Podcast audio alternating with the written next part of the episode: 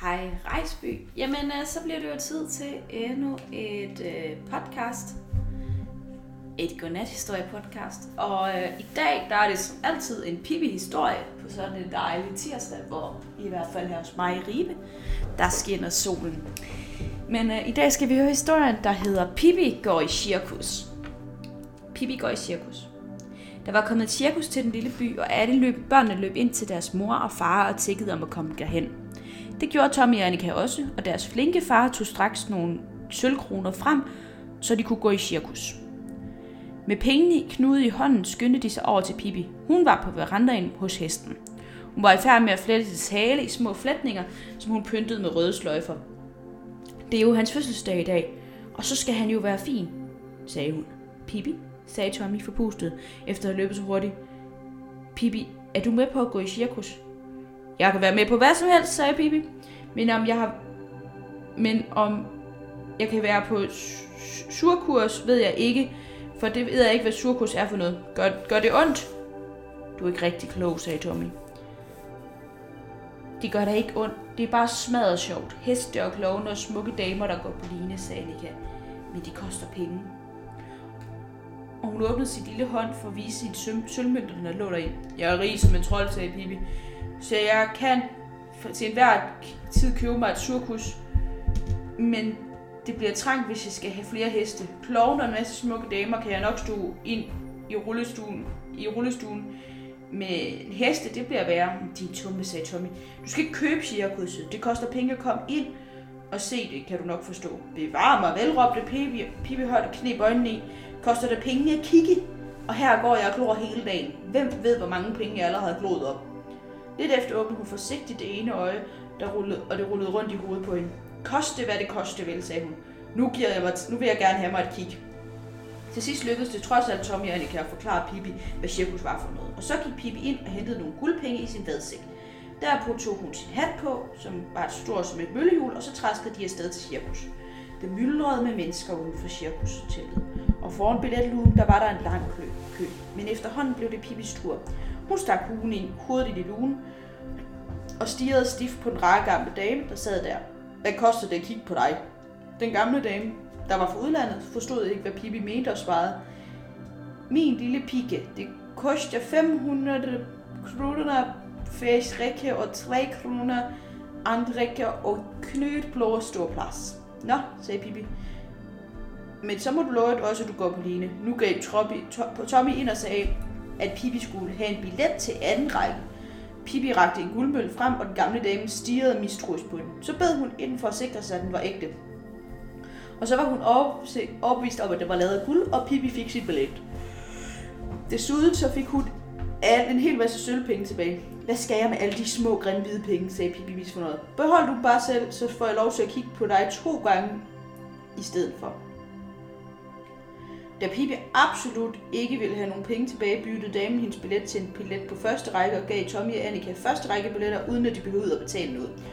Og på den måde kom Pippi, Tommy og Annika til at sidde på nogle af de fine røde stole helt inde i manesien.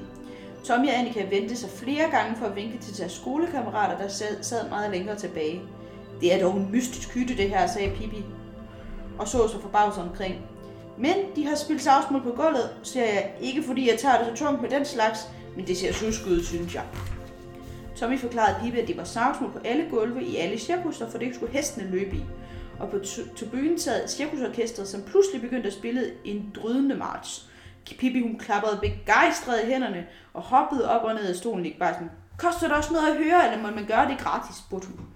I samme blev tæppet trukket til side ved artistet en og cirkusdirektøren i kjoler og hvidt og med pisk i hånden kom løbende ind med sammen med ham 10 hvide heste med røde fjer på hovedet. Cirkusdirektøren han slog et smæld med piskene, og cirken, hestene løb rundt i managen. Så smældede direktøren med pisken igen, og så stillede alle hesten sig på forbenene op på barrieren, der omgav managen. En af hestene var stanset lige foran børnenes pladser. Annika kunne ikke lide at få hesten så tæt på, så hun trykkede sig til langt tilbage i stolen.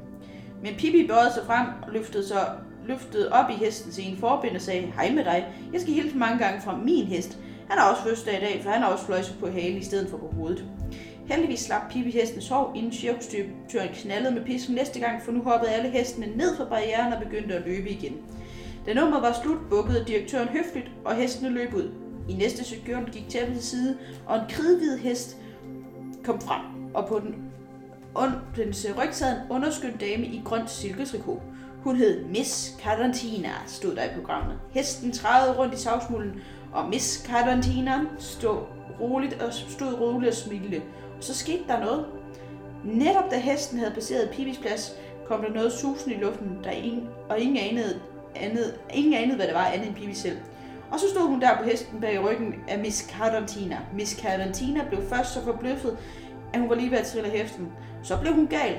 Hun begyndte at slå bagud med hænderne for at få Pippi til at hoppe af, men det lykkedes ikke. Skru lige lidt ned fra blusset, sagde Pippi. Det er vel ikke kun dig, der skal have det sjovt. Inden har vel også betalt, skulle jeg mene. Så ville Miss Cardantina selv springe af, men det lykkedes heller ikke, for Pippi holdt fast greb om maven på hende. Og så kunne tilskuerne ikke lade være med at grine. Det så så komisk ud, synes de, med den smukke Miss Cardantina, som blev holdt fast af den lille rødhårede tøs, der som også stod på hesteryggen med sine store sko og så ud, som om hun aldrig havde bestilt andet end optræde i cirkus. Men cirkusdirektøren lå ikke med. Han gjorde tegn til sine rødklædte cirkustjenere om at løbe ind og stanse hesten. Er nummeret allerede slut? sagde Pippi skuffet. Nu havde vi det altså lige så sjovt. Frække tøs, hvis cirkusdirektøren nu øh, ud mellem tænderne. Forsvind! Pippi så bedrøvet på ham. Hvad er det nu, sagde hun. Hvorfor er du gal på mig? Jeg troede, det var meningen, vi skulle have det skæg. Og så sprang hun ned fra hesten og gik hen og satte sig på sin plads. Men nu kom der to kæmpe store cirkustjenere hen for at smide hende ud. De gik fat i hende og forsøgte at hende løfte den op, men det gik ikke. For Pippi hun sad fuldstændig ubevægelig og var umulig at rokke fra pletten, selvom de halede i hende alt, hvad de orkede. Og så trak de på skuldrene, og så gik de igen. I mellemtiden der var næste løb, nummerbeløb. Det var Miss Elvira, der skulle gå på line. Hun havde rød tydskot på og en gul parasol i hånden. Med små lette skridt løb hun ud på linen. Hun svingede med benene og gjorde alle mulige kunste, og det så meget yndigt ud. Hun viste ovenikøbet også, at hun kunne gå baglæns på den meget tynde line. Men når hun kom tilbage til den lille platform for enden af line og vendte sig om, så stod Pippi der. Nå, hvad siger du så? sagde Pippi fornøjet til Miss Elviras lamslåede mine. Miss Elviras sagde slet ingenting, men sprang ned fra linen og kastede sig om halsen på cirkusdirektøren, som var hendes far. Og cirkusdirektøren sendte igen sin cirkustjener ind for at smide Pippi ud. Denne gang sendte han fem ind, og de råbte til, men alle tilskuerne råbte, Lad hende være, vi vil se en rødhåret pige, og så trampede de med fødderne og klappede i hænderne. Pippi løb ud på linen, og Miss Elviras kunstner var ingenting imod, hvad Pippi kunne. Da hun kom, var kommet til midten af linjen, så stak hun det ene ben op i vejret, og hendes store sko bredte sig som et tag over hendes hoved. Hun bøjede foden lidt, så hun kunne klø sig bag ydermidten. Cirkustøren var, cirkustøren var til del, aldeles ikke tilfreds med, at Pippi, op, Pippi optrådte i hans cirkus. Han ville af med hende. Og derfor snisede han hen og løsnede den mekanisme, der holdt linen spændt. For så troede han helt bestemt, at Pippi ville falde ned, men det gjorde Pippi ikke. Hun satte i stedet linen til at gynge frem og tilbage i svingede linen op. Hippie gyngede hurtigere og hurtigere, og pludselig tog hun et spring i luften og havnede på ryggen af cirkusdirektøren. Her blev hun, han blev så forskrækket, at han gav sig til at leve. Det er jo en uheldig hest, sagde Pippi. Men hvorfor har du ikke nogen fjerbusk øh, i håret? Nu synes Pippi, det var på tide at vende tilbage til Tommy og Annika, så hun sneg sig ned fra cirkusdirektøren ryg og gik sig hen og satte sig. Så det næste nummer kunne begynde. Det var lidt for, at cirkusdirektøren skulle først ud og drikke et glas vand og redde sit hår. Men så kom han igen, og han bukkede for publikum og sagde, mine damer og herrer, og om et øjeblik skal de få alle tiders største underværk at se. Den stærkeste mand i verden, stærke Adolf, som ingen endnu har besejret. Værsgo, mine damer og herrer, her kommer stærke Adolf. Og ind i manesien spankulerede en kæmpe stor mand. Han var indført en rød trikot og bar bæltet med, om bar om et bælte om maven. Og han bukkede for publikum og så meget selvtilfreds ud. Se bare, hvilke muskler, sagde cirkusdirektøren og klemte stærke Adams arm, hvor musklerne svulmede op som ballonger. Og nu, mine damer og herrer, herrer nu kommer jeg med mit virkelig flotte tilbud. Hvem våger at tage en brydekamp med stærke Adolf? Hvem våger at være den første til at besejre verdens stærkeste mand? 100 kroner til den, som slår stærke Adolf. 100 kroner. Tænk på det, mine damer og katter. Værsgo. Hvem tager det frem? Hvad sagde han, spurgte Pippi. Og fortæller han arabisk. Han sagde, at den, der kan banke den store fyr, får 100 kroner. Det er ikke jeg, sagde Pippi. men jeg synes, det er synd for at banke ham, for han ser lidt rar ud. Nej, det, det kan du jo nok heller ikke alligevel, sagde Annika. Det er jo verdens stærkeste mand. Mand, ja, sagde Pippi, men jeg er verdens stærkeste pige, husk lige det. I mellemtiden løftede stærke Adolf store jernkugler og båret tykke jerns, jernstænger midt i midten for at vise, hvor stærk han er. Åh, mine herskaber, råbte cirkusøgene. Er der virkelig ingen, som ønsker at tjene hundrede kroner? Ser det virkelig tvunget til at beholde dem for mig selv, sagde han, og viftede med en 100 sæd. Nej, det synes jeg virkelig ikke, sagde Pippi, og skævede over barrieren og ind i managen. Cirkusdyren var fuldstændig vild, da han fik øje på hende. Gå, forsvind! Nej, der ikke dig, væsede han. Hvorfor er, det hele tiden, hvorfor er du hele tiden så uvenlig, sagde Pippi. Jeg vil gerne slås med stærke Adolf. Spar dig dine morsomheder, sagde cirkusdirektøren.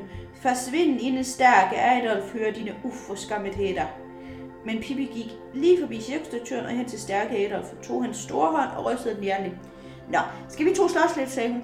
Stærke Adolf stirrede på hende og fattede ingenting. Om et minut går jeg i gang, sagde hun.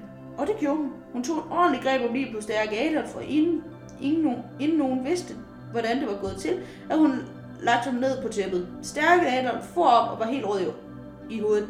Hey, jeg er Pippi, råbte Tommy og Annika.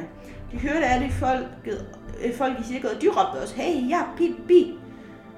Cirkusdirektøren sad på barrieren og vred sine hænder. Han var rasende, men stærke Adolf var endnu mere rasende. Han havde aldrig sit hele sit liv forsøgt oplevet noget så forstærkeligt. Og nu skulle han med sandt vise det rødhårede tøs, hvad stærke Adolf i virkeligheden var for en kæl. Han får løs på hende og tog et livtag, men Pippi hun græd fast. Hun var fast som en klippe. Det kan du gøre bedre, sagde hun, og, og, og formundte ham op. Men så vristede hun sig fri af hans greb, og et øjeblik efter lå stærke Adolf på tæppet igen. Og Pippi stod ved siden af og ventede. Hun besøgte ikke at vente længe, men brøl rejste han op og stormede hen imod hende. Tittelum, titteleje, sagde Pippi. Alle tilskuerne stampede med fødderne og kastede med deres huer op mod teltduerne og råbte, Hey, jeg er Pippi! Så da stærke Adolf for tredje gang kom farne, løftede Pippi ham højt op i luften og bar ham i strakte arme rundt i managen. Bagefter lagde hun ham igen på tæppet og holdt ham fast. Nå, lille mand, nu synes jeg, vi skal sige, at det er slut det her. Sjovere end nu bliver det i hvert fald ikke. Pippi har vundet, Pippi har vundet, råbte alle folkene i hjem. Stærke Adolf luskede ud, og han, så hurtigt han kunne, og cirkusdirektøren tørrede, tøren var blevet tvunget til at gå hen og overrække Pippi 100 kroner selvom han så ud, som om han ville, ville æde den. Vær så god, lille frøken, sagde han. Vær så god, 100 kroner. Den der, sagde Pippi forfærdelig. Hvad skal jeg med den lap papir? Den kan du sige dig i sild i, hvis du har lyst. Og så gik hun hen til sin, pla- sin plads. Det var et langvejt surkus, det her, sagde hun til Tommy og Annika. En lille en på øjet kan aldrig skade, men væk mig, hvis der kommer mere, som jeg kan hjælpe med. Og så lagde hun sig tilbage i solen og faldt omgående i søvn. Og der lå hun og snorkede, mens knogle og sabelstuer og slange mennesker viste deres kunster for Tommy og Annika og alle de andre, der var i cirkus. Men jeg synes nu alligevel, at Pippi var den bedste, viskede Tommy til Annika. Det var dagens lille podcast. Jeg håber, du sov rigtig dejligt. Vi ses i morgen.